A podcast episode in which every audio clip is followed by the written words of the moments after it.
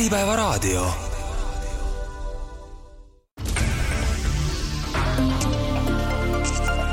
töö ja palk. tere, head kuulajad! kuulete saadet Töö ja palk. täna räägime rahast. mina olen saatejuht Mare Timion, Äripäeva teemaveebide raamatupidaja.ee ja palgauudised.ee ärijuht. minuga on täna stuudios Marge Aasalaid, kes on Rahandusministeeriumi rahatarkuse koordinaator ning Hendrik Ojamaa, Via Currenti kaasasutaja ja tegevjuht. tere tulemast saatesse! tere! tervist! saate alguses tõmban pildi kohe suureks ja küsin teilt, miks me üldse räägime rahatarkusest ja miks see teema on oluline, Marge? Noh, kui me räägime rahatarkusest, siis see puudutab nii palju erinevaid punkte, et on nii teadmised, hoiakud, käitumised ja mis on vajalikud selleks, et teha arukaid otsuseid ja tagada majanduslikku heaolu igale perele.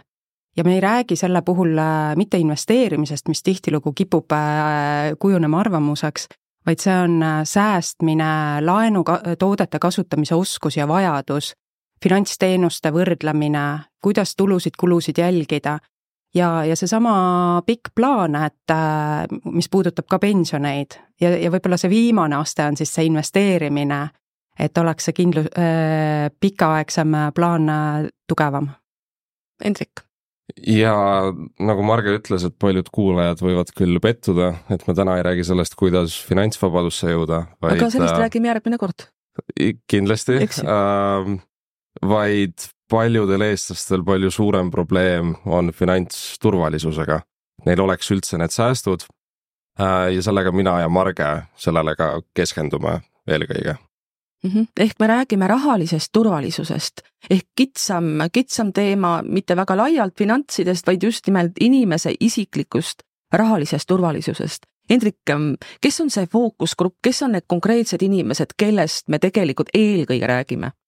Need on tegelikult, me ei saa statistika põhjal jaotada neid gruppidesse, sest kui me oleme vaadanud uuringute tulemusi, siis üle sissetulekusegmentide, üle vanusesegmentide on inimestel probleeme raha kõrvalepanemisega ja hinnanguliselt circa nelikümmend protsenti kõigist eestlastest elavad palgapäevast palgapäevani.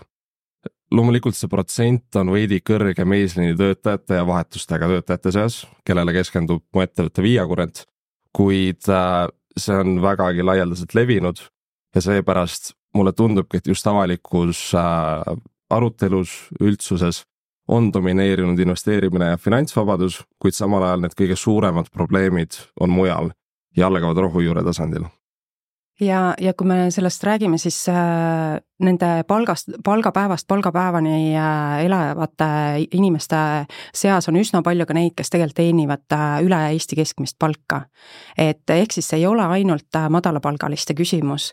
ja, ja rahamured teatavasti tekitavad ikkagi rahastressi ja, ja see omakorda mõjutab seda, et me ei tee ka rahatarku otsuseid ja see pall läheb veerema kuni selleni, et äh, ta hakkab mõjutama meie igapäevast äh, töötamist, elamist, võtame võib-olla laenu rohkem ja võin sattuda ka võlgadesse. Kas meie tänase saate sõnum on lisaks inimestele, ma mõtlen töötajatele, suunatud ka personalijuhtidele, ettevõtete juhtidele, me ju teame, et Eesti ettevõtetest enamus on väikesed keskmised ettevõtted jaa, kindlasti, sest ta mõjutab äh, otseselt ka lõpuks ju äh, va-, inimese vaimset tervist, äh, tööl keskendumist, produktiivsust. et kui mul on ikkagi need mured kogu aeg tagakuklas, siis ma ei saa niivõrd keskenduda igapäevastele tööasjadele.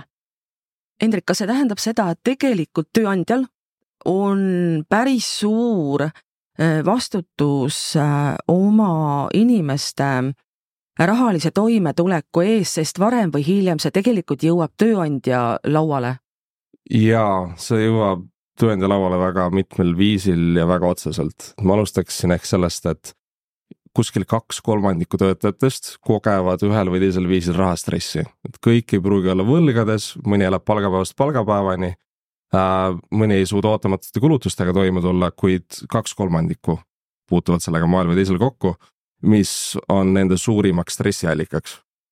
see tihti on tööandjatele ja personalijuhtidele üllatuseks, sest et aina enam on keskendatud, on keskendutud äh, töötajate heaolule töökohal. Äh, ja kuna see on suurim stressiallikas, siis oleks väga loogiline tööandjal sellega tegeleda. ja tulles sinnani, kuidas see ettevõtet mõjutab, siis ma võin tuua ühe kõlava näite, et kui inimene kogeb rahastressi, siis ta puudub töölt aastas keskmiselt viis korda rohkem kui inimene, kes ei koge rahastressi kas need on uuringute tulemused? Jaa, see on PwC läinud aasta uuring. Äh, seal uuringus on veel põnevat materjali, kes soovib, võiks selle kindlasti üles otsida. Äh, seal on ka välja toodud, kuidas see produktiivsust alandab. me võime ise ette kujutada, kui meil ei ole raha kuu lõpuni, et toime tulla, kuidas me saaksime tööle keskenduda. Ähm, et see viib fookuse töölt teistesse kohtadesse ja on väga suur murekoht. Marge? ja võib-olla mitte ainult, et tööle keskenduda, vaid kui mul reaalselt ei ole võimalik minna tööle, ehk siis ma elan töökohast eemal, aga mul ei ole kuu lõpus äh, finantse, et äh, minna tööle, siis, äh, siis noh, see võib omakorda põhjustada töölt puudumist.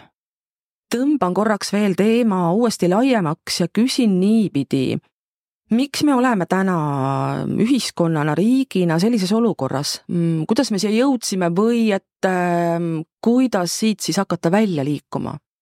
no kui me vaatame möödunud aasta, meil tegelikult tehti täiskasvanute finantskirjaoskuse uuring, äh, kus äh, tehti ka võrdlusuuring siis äh, kolmekümne kaheksa riigi seas iseenesest meil on nagu finantsteadmised üsna head või rahatarkuse teadmised üsna head. me oleme teadmiste poolest kolmandal kohal Äh, aga probleem ongi selles, et äh, need teadmised ei jõua käitumisse.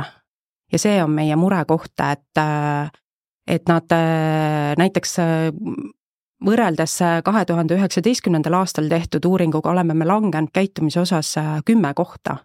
ja see on väga suur langus, ehk siis me oleme langenud tagasi sinna, kus me olime kaheksa aastat tagasi. ole hea, täpsusta, mis see tähendab, et teadmised ei ole jõudnud käitumisse? Et äh, uuringu järgi, see on OECD äh, uuring, mida on võimalik äh, nii Rahandusministeeriumi kodulehelt ka lugeda, siis seal, seal uuritakse nii inimeste teadmisi rahatarkuse kohta, nende hoiakuid ja, ja uuritakse ka nende käitumise kohta, et mida nad siis päriselt teevad. et kui, kui me käitumise teemat nagu täpsemalt vaatame sinna sisse, siis me näeme, et jah, Eesti inimesed tegelikult isegi säästavad, äh, aga lühiajaliselt. ehk siis äh, väikeste, väikesteks eesmärkideks.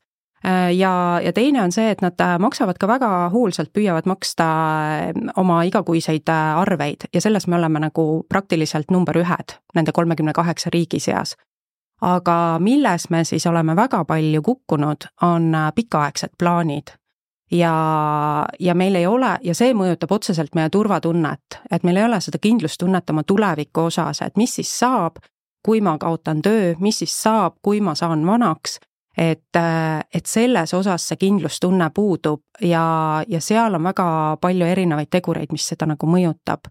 et see on nii usalduse küsimus, see on ähm, ka võib-olla tooted peaksid olema veel lihtsamad ja, ja ikkagi järjepidevalt teadlikkuse tõstmine.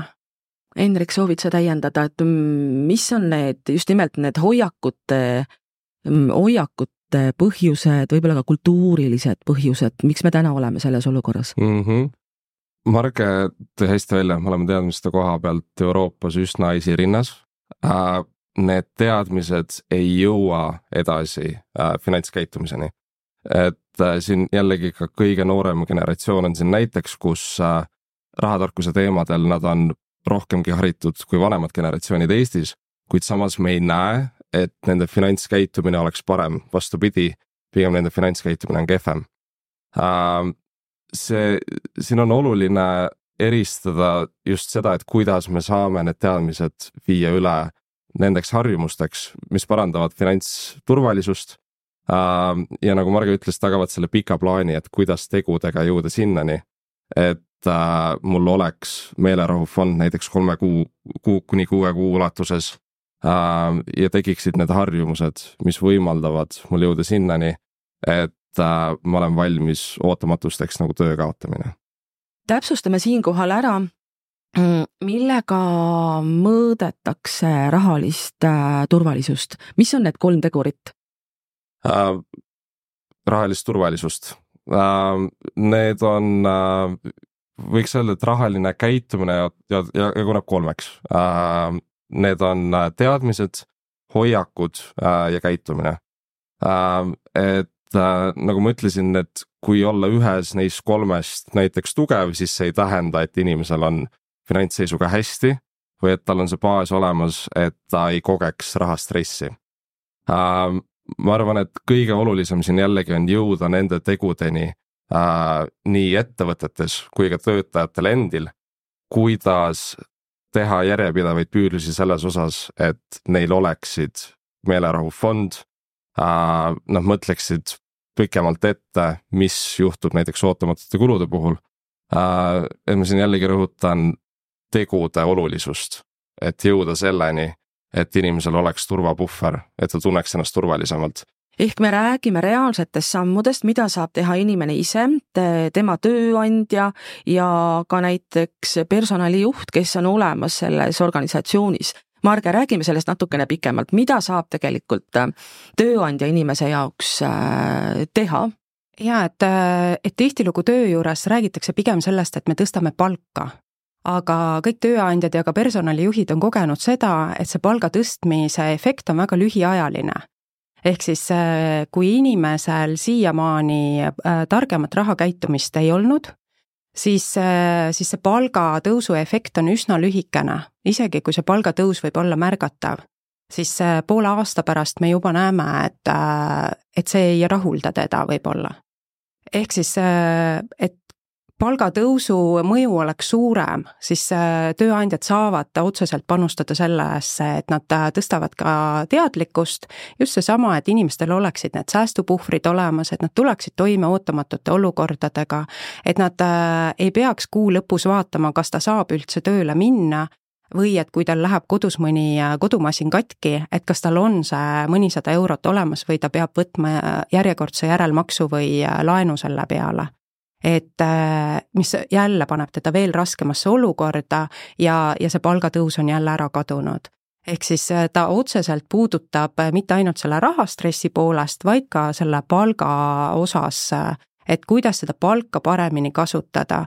ja kui väga paljud ütlevad seda, et, et ma ei saa nagu kõrvale panna sellepärast, et mul on palk väike, siis tegelikult sedasama ütlevad ka inimesed, kes saavad tegelikult ka kätte kolm tuhat eurot, neli tuhat eurot, ka nendel ei pruugi olla säästupuhvreid ja elavad palgapäevast palgapäevani.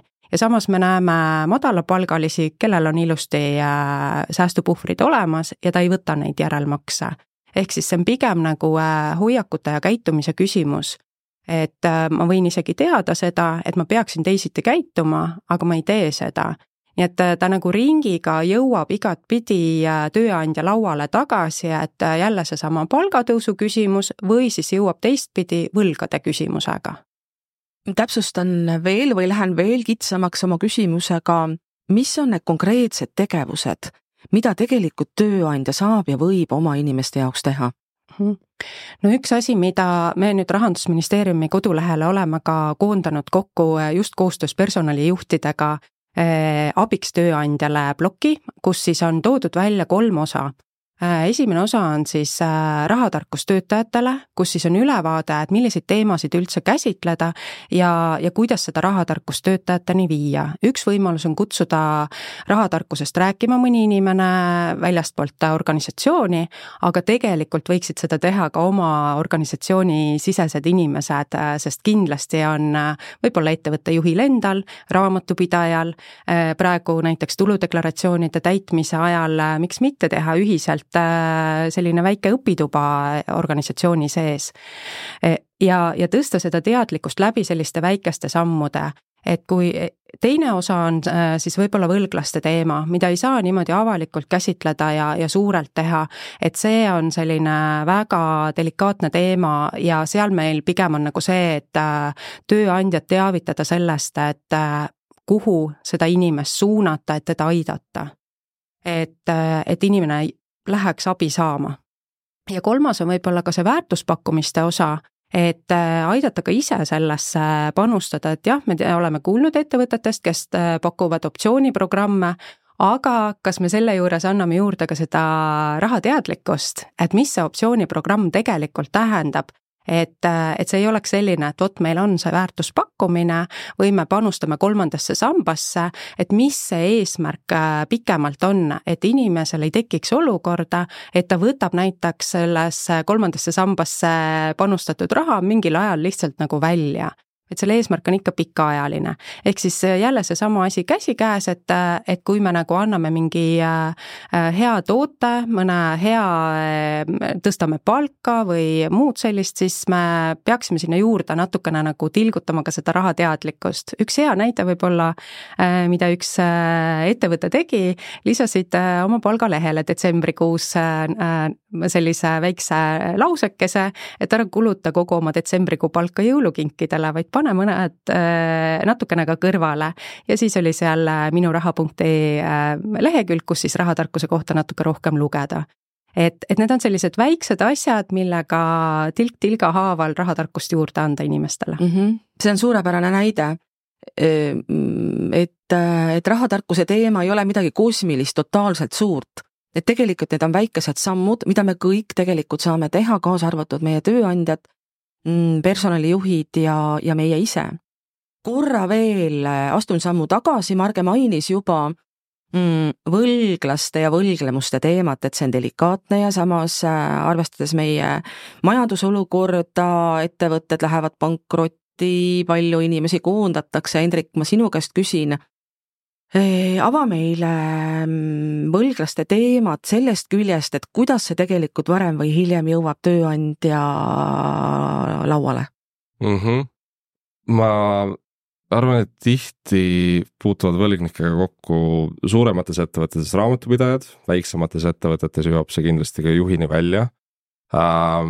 ja suuremate ettevõtete puhul me oleme näinud, et tihti alahinnatakse seda hulka, kes on võlgnikud Ähm, et kui me näeme, et see ettevõtetes jääb kuni kümne protsendi piiridesse, mõnel, mõnel pool veidi rohkem, mõnel pool veidi vähem, siis kõigi nende töötajatega peab äh, ettevõttes tegelema raamatupidamine, raamatupidaja. Äh, kindlasti paljud kuulajad ei ole raamatupidamisprotsessidega lähedalt kursis, aga kui raamatupidajal on kohtutäituri nõue, siis see tähendab kohtutäituriga suhtlemist, failide lugemist ja korrektse protseduuri jälgimist, et kõik nõuded saaksid ühe inimese puhul täidetud. Ähm, see on väga täpne protseduur, võtab palju aega, äh, raamatupidajad, raamatupidajate jaoks on see sisuliselt lisatöö. lisaks iga viies neist on erijuhtum, mis, äh, mis tähendab, et raamatupidaja peab olema väga tähelepanelik, et kõik nõuded oleksid täidetud see võib tähendada et, et kümme protsenti palgast tuleb anda ühele kohtutäiturile, viisteist protsenti teisele ja neid nõudeid võib olla ühel inimesel viis-kuus või isegi veel rohkem. just, väga palju tihtipeale. et -hmm. tegelikult kaheksakümne kaheksal protsendil võlgnikest on rohkem kui üks võlg.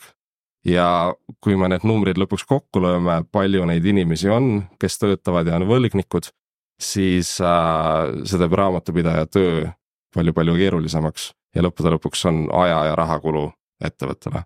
Just, et äh, just nimelt, et see aja ja raha kulu ettevõtte kontekstis, et ka tihtipeale võib juhtuda seda, et ettevõte peab võtma juurde endale lisaks raamatupidajaid, Marge, on sul selliseid äh, kogemusi? jaa, et tegelikult näiteid? Äh, ka me oleme kuulnud nagu nendest, kus juba ongi eraldi võetud äh, raamatupidaja, kes haldab töötajate võlgasid, aga teine probleem, mida on välja toodud, et kui ettevõtted valivad endale raamatupidamisprogrammi, siis nad ei pööra tähelepanu, kas seal on olemas selline liides, mis lihtsustaks seda et äh, personalijuhtidelt on tulnud nagu äh, info, et äh, tegelikult osa ettevõtetes on kasutusel raamatupidamisprogrammid, mis veidi teevad lihtsamaks selle menetlemise, aga, aga väga paljude raamatupidajate jaoks on see puhas käsitöö. ja see on jälle punkt, mi-, mis, mille peale saab mõelda tööandja, kui nad on plaanimas uut raamatupidamisprogrammi mm. -hmm. ja see on ka tihtipeale teema, mida tegelikult tööandja ei pruugigi teada et raamatupidajad ähm, noh, nad teavad, et nad peavad selle kohtutäituri nõuded äh, ära ära korraldama, ära tegema, ära lahendama ja nad ei lähe ettevõtte juhile seda rääkima ja ettevõtte juhile võib see olla päris suur üllatus ühel päeval, kui suur maht tööd on, Hendrik. ja ma ütleks, et üleüldse see teema ei jõua väga lihtsalt personalitiimi äh, ja juhtkonnani. Kuna eriti, kui me räägime võlgadest, siis see on paljuski tabuteema äh,. töötajad ei taha sellest ise rääkida, kui inimesed on rahastressis, siis samamoodi see ei ole teema, millega lihtsasti äh, minnakse enda tööandja juurde. seega neid muresid ei ole lihtne märgata enda inimeste seas äh, tööandjana äh,. kuid jällegi need avaldavad väga-väga otsest mõju, et ma vii-, läheksin tagasi meie saate alguse juurde, kus me mainisime mõju produktiivsusele, voolavusele, värbamisele äh,, töömotivatsioonile et see mure on tegelikult, ulatubki raamatupidamisest kuni selleni, kui edukalt töötajad enda tööd teevad. teeme siinkohal väikese pausi, et mõelda iseenda rahatarkusele ja juba mõne minuti pärast oleme saates tagasi. äripäeva raadio.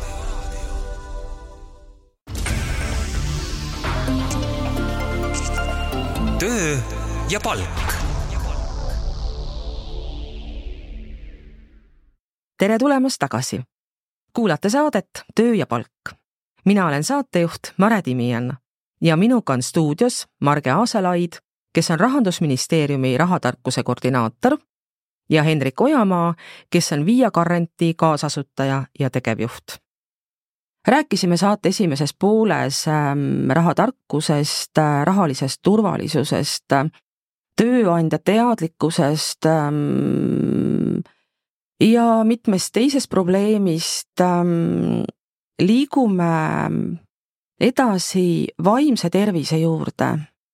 sest äh, paratamatult, kui inimesel on rahalisi probleeme ja kui need on pikaaegsed, siis moel või teisel see mõjutab äh, tema vaimset tervist ähm, ja ettevõtte käekäiku ka laiemalt.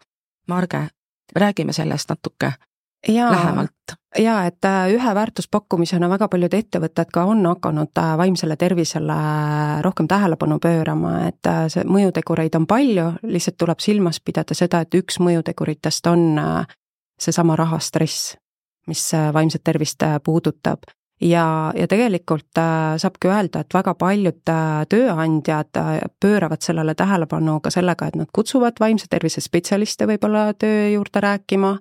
Äh, kõikvõimalikud spordi ja, ja liikumisega seotud äh, soodustused, et äh, just, et turgutada inimeste vaimset tervist, aga see ei pruugi nagu lahendada seda rahastressi. ehk siis sealt tuleb nagu seda kompleksselt vaadata, et, et erinevatel inimestel on erinevad põhjused, miks tema vaimne tervis on mõjutatud. ja mulle tundub, et jällegi rahastress on alahinnatud, et kui vaadata, kui paljude Eesti inimeste igapäevaelu see mõjutab. Äh, kui paljud inimesed elavad palgapäevast palgapäevani, siis võrreldes teiste teemadega tihti jääb see unarusse. Et seal võibki jälle olla erinevaid põhjuseid, mida me enne mainisime, et äh, raha, rahateemad on üsna suur tabu. Äh, need ei jõua tihti tööandjani, personalitiimini, kuid kui palju räägitakse mentaalsest stressist, mentaalsest koormusest äh, ja, ja, ja probleemidest.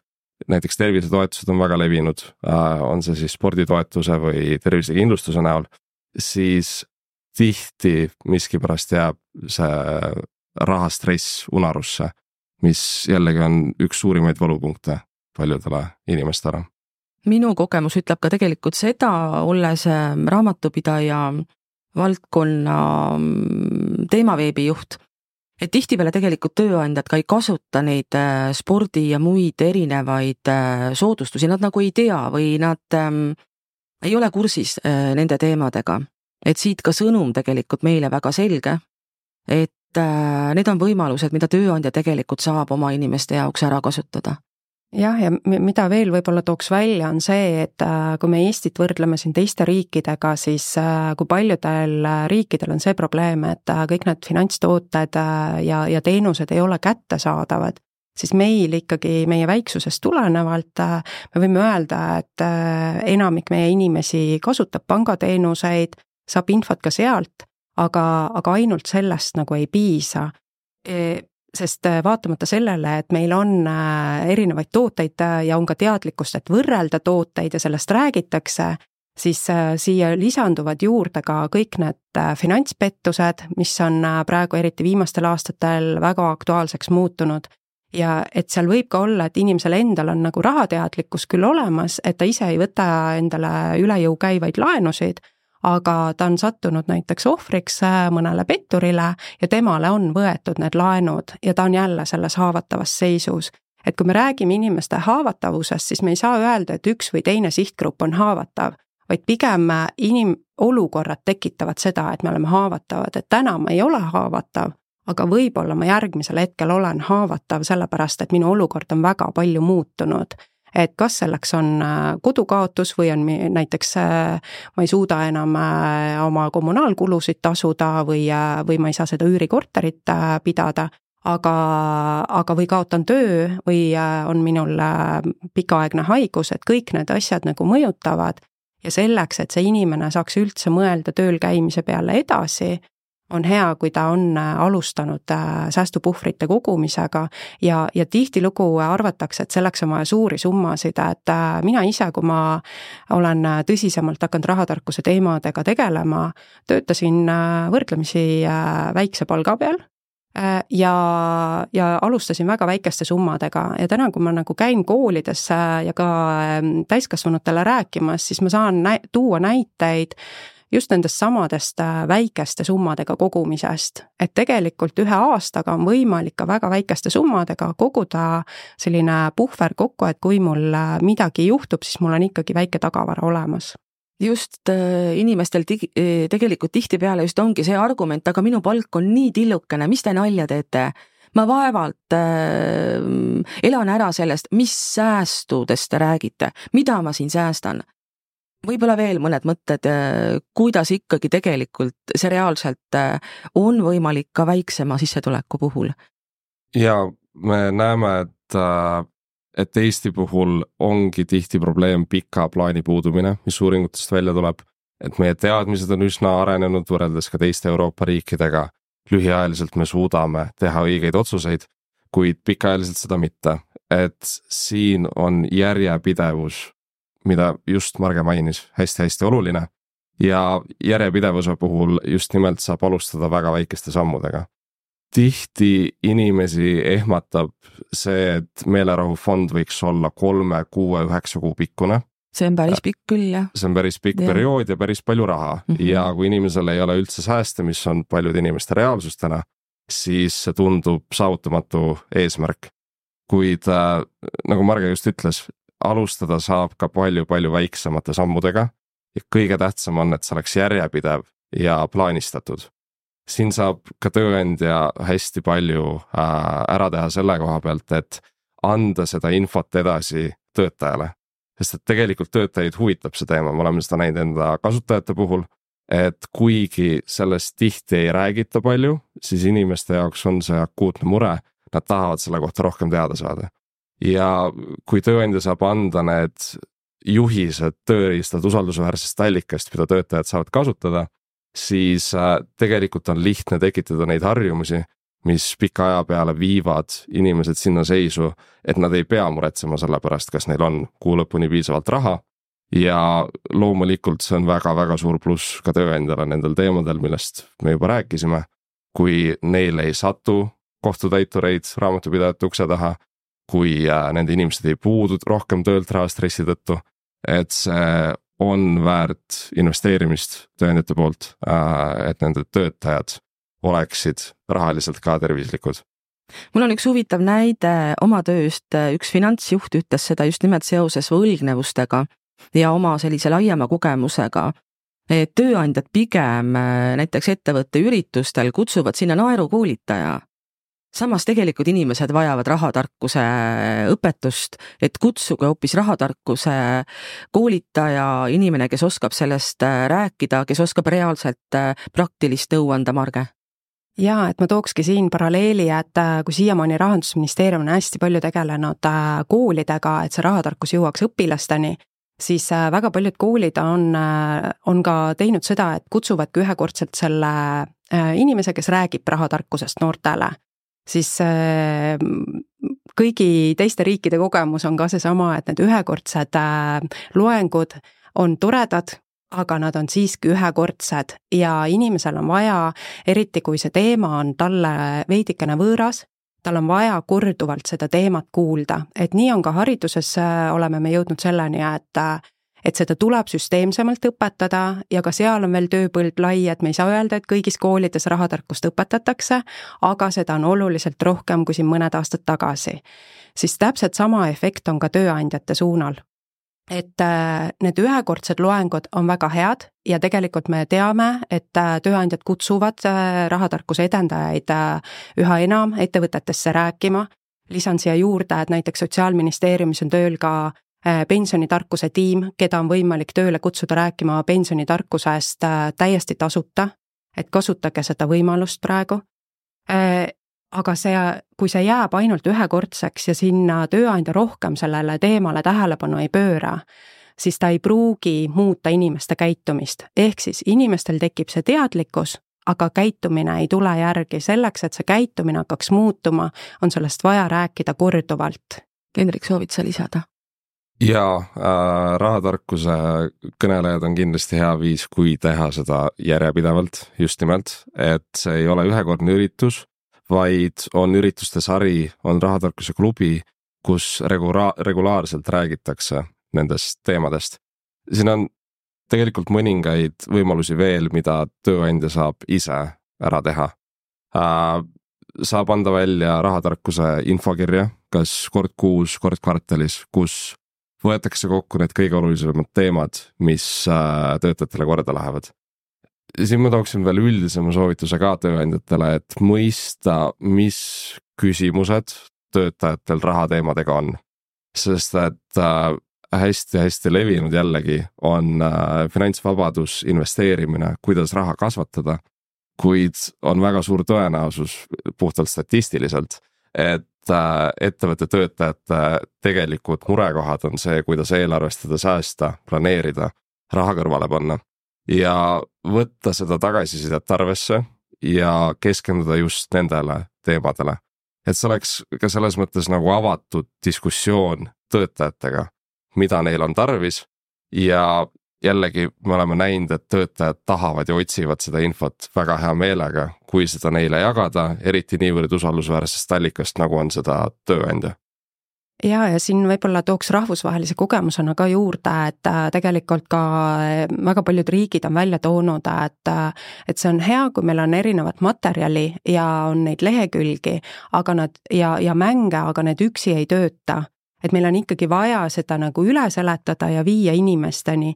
Ja tõhusate meetmetena ongi nagu välja toodud see, et oleks järjepidev, et nad viiksid mingite juhisteni, et inimene saab selged tööriistad. Ja, ja võib-olla, mida tooks välja ka, on äh, mõni hea äpp, kus inimene saaks iseseisvalt õppida. võib-olla see on hea koht, kus äh, Hendrik mainib ka, mida Via Current nagu äpina pakub jaa äh,, ma tooksin siin välja kaks peamist äh, teemat, kus me rahatarkusele ja, ja finants, rahalisele heaolule keskendume. ehk ma korra nagu täiendan siin, et äpi all me mõtleme siis äh, mobiilirakendust, tehnoloogilist lahendust just Via Currenti äpp, mobiilirakendus, äh, selle saavad äh, töötajad alla laadida.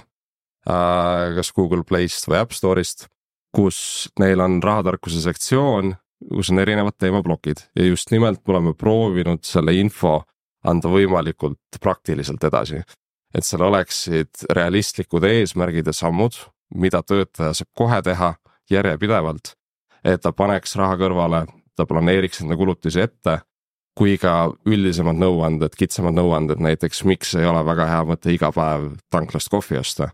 Äh, vaid seda kas äh, ise teha või tööl juua, et ähm, seal on need, see info kogum, mille põhjal töötaja saab ennast ise aidata. lisaks saab töötaja kasutada seal paindlikku palka ehk kasutada enda välja teenitud raha enne palgapäeva.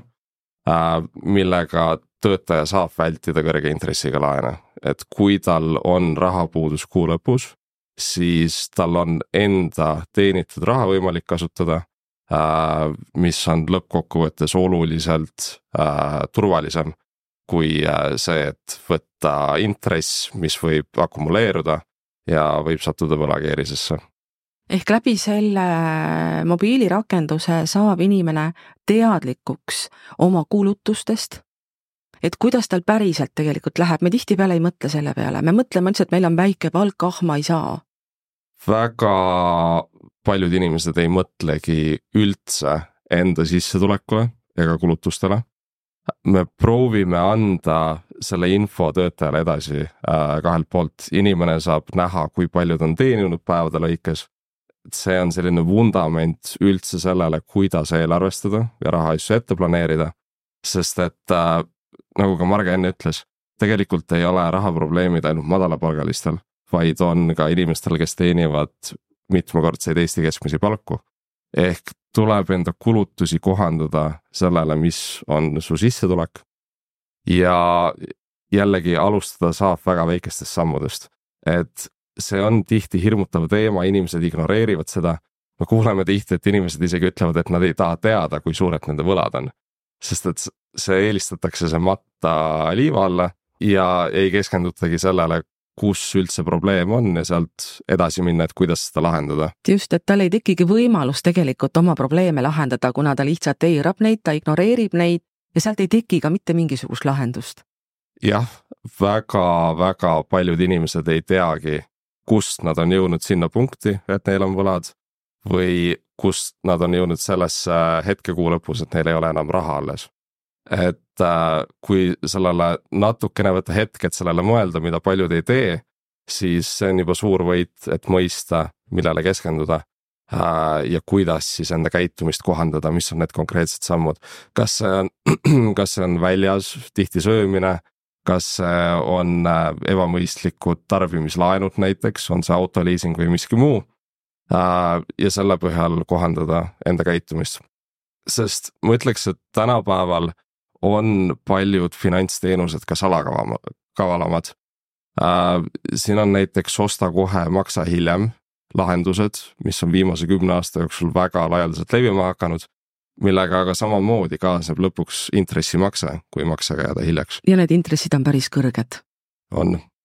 jah, et siin unustatakse ära tihtilugu seda, et äh, meil on juba meelde jäänud seda, et SMS-laen on halb, aga unustatakse vaadata seda, et aga järelmaksu intress võib tihtilugu olla sama suur kui sellel äh, nii-öelda kiirlaenul et tänapäeval me saame öelda, kõik on kiirlaenud, et võimalikult äh, suhteliselt kiiresti on võimalik täna laenu saada.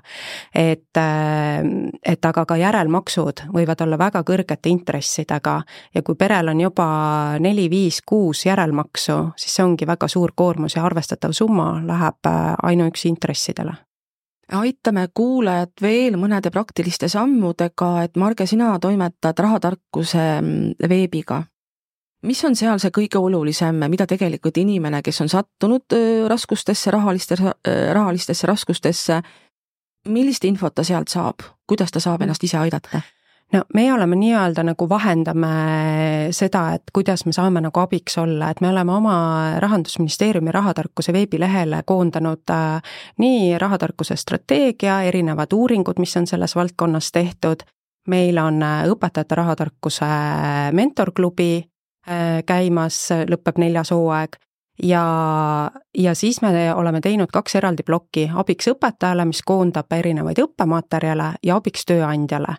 Ja seal on nagu äh, see, et me proovime võimendada ka neid häid lehekülgi, mis on nagu loodud, näiteks hiljuti, tegelikult möödunud aasta alles tehti eesti.ee lehele mitte ainult see, et ma olen juba võlgu, vaid ka see, et kui mul tekivad makseraskused, et, äh, et meil on vaja rohkem abi suunata sinna, et kui inimesel on tekkinud makseraskused, aga tal veel ei ole kohtutäitureid, siis äh, me oleme koondanud kõik need leheküljed, kust sealt äh, seda abi saada ja ka erinevad kalkulaatorid, kuidas oma maksevõimekust hinnata, oleme sellele lehele koondanud.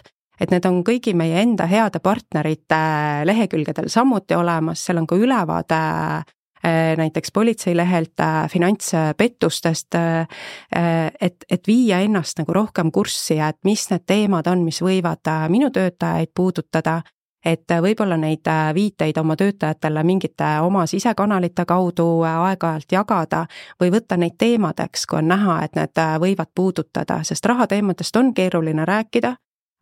Ja eriti, kui ollakse langenud pettuse ohvriks, on keeruline seda tunnistada ja, ja võlgade teema on kindlasti väga delikaatne teema ja olen ka ise varasemalt äh, nii tööandjana äh, võlglastega kokku puutunud kui ka nagu äh, inimesi aidanud võlgade teemal, siis enamikel on see teema, et nad ei tea oma võlgade suurust ja sellepärast nende haldamine on keeruline. ja tööandjana mäletan, et mis oli kõige mõjusam, oli see, kui me ikkagi tegime ise tööandjana kokkuleppeid kohtutäituriga ja, ja kõik meie töötajad said võlgadest lahti, sest me tegime mõistlikke graafikuid äh, kohtutäituritega, et see oli lisatöö, aga, aga need inimesed äh, said võlgadest vabaks mm. -hmm. ehk ka tööandja sihuke reaalne tugi, reaalne abi, samm-sammuline toetus äh, oma töötajate puhul on see, mis, äh, mis kindlasti saab aidata ja mm, kordan veel kord üle, selle veebilehe nimi on äh, fin.ee äh, kaldkriips äh, rahatark mm. -hmm. rahatark? rahatark Eesti. et seal on siis olemas esmane info, mida inimene vajab olukorras, kus ta on sattunud hätta rahateemadega või juba ennetavalt tegelikult saab, saab infot kuidas pikemalt oma, oma raha planeerida, et mitte üldse sattuda keerulisse rahalisse olukorda. Hendrik, soovid sa lisada?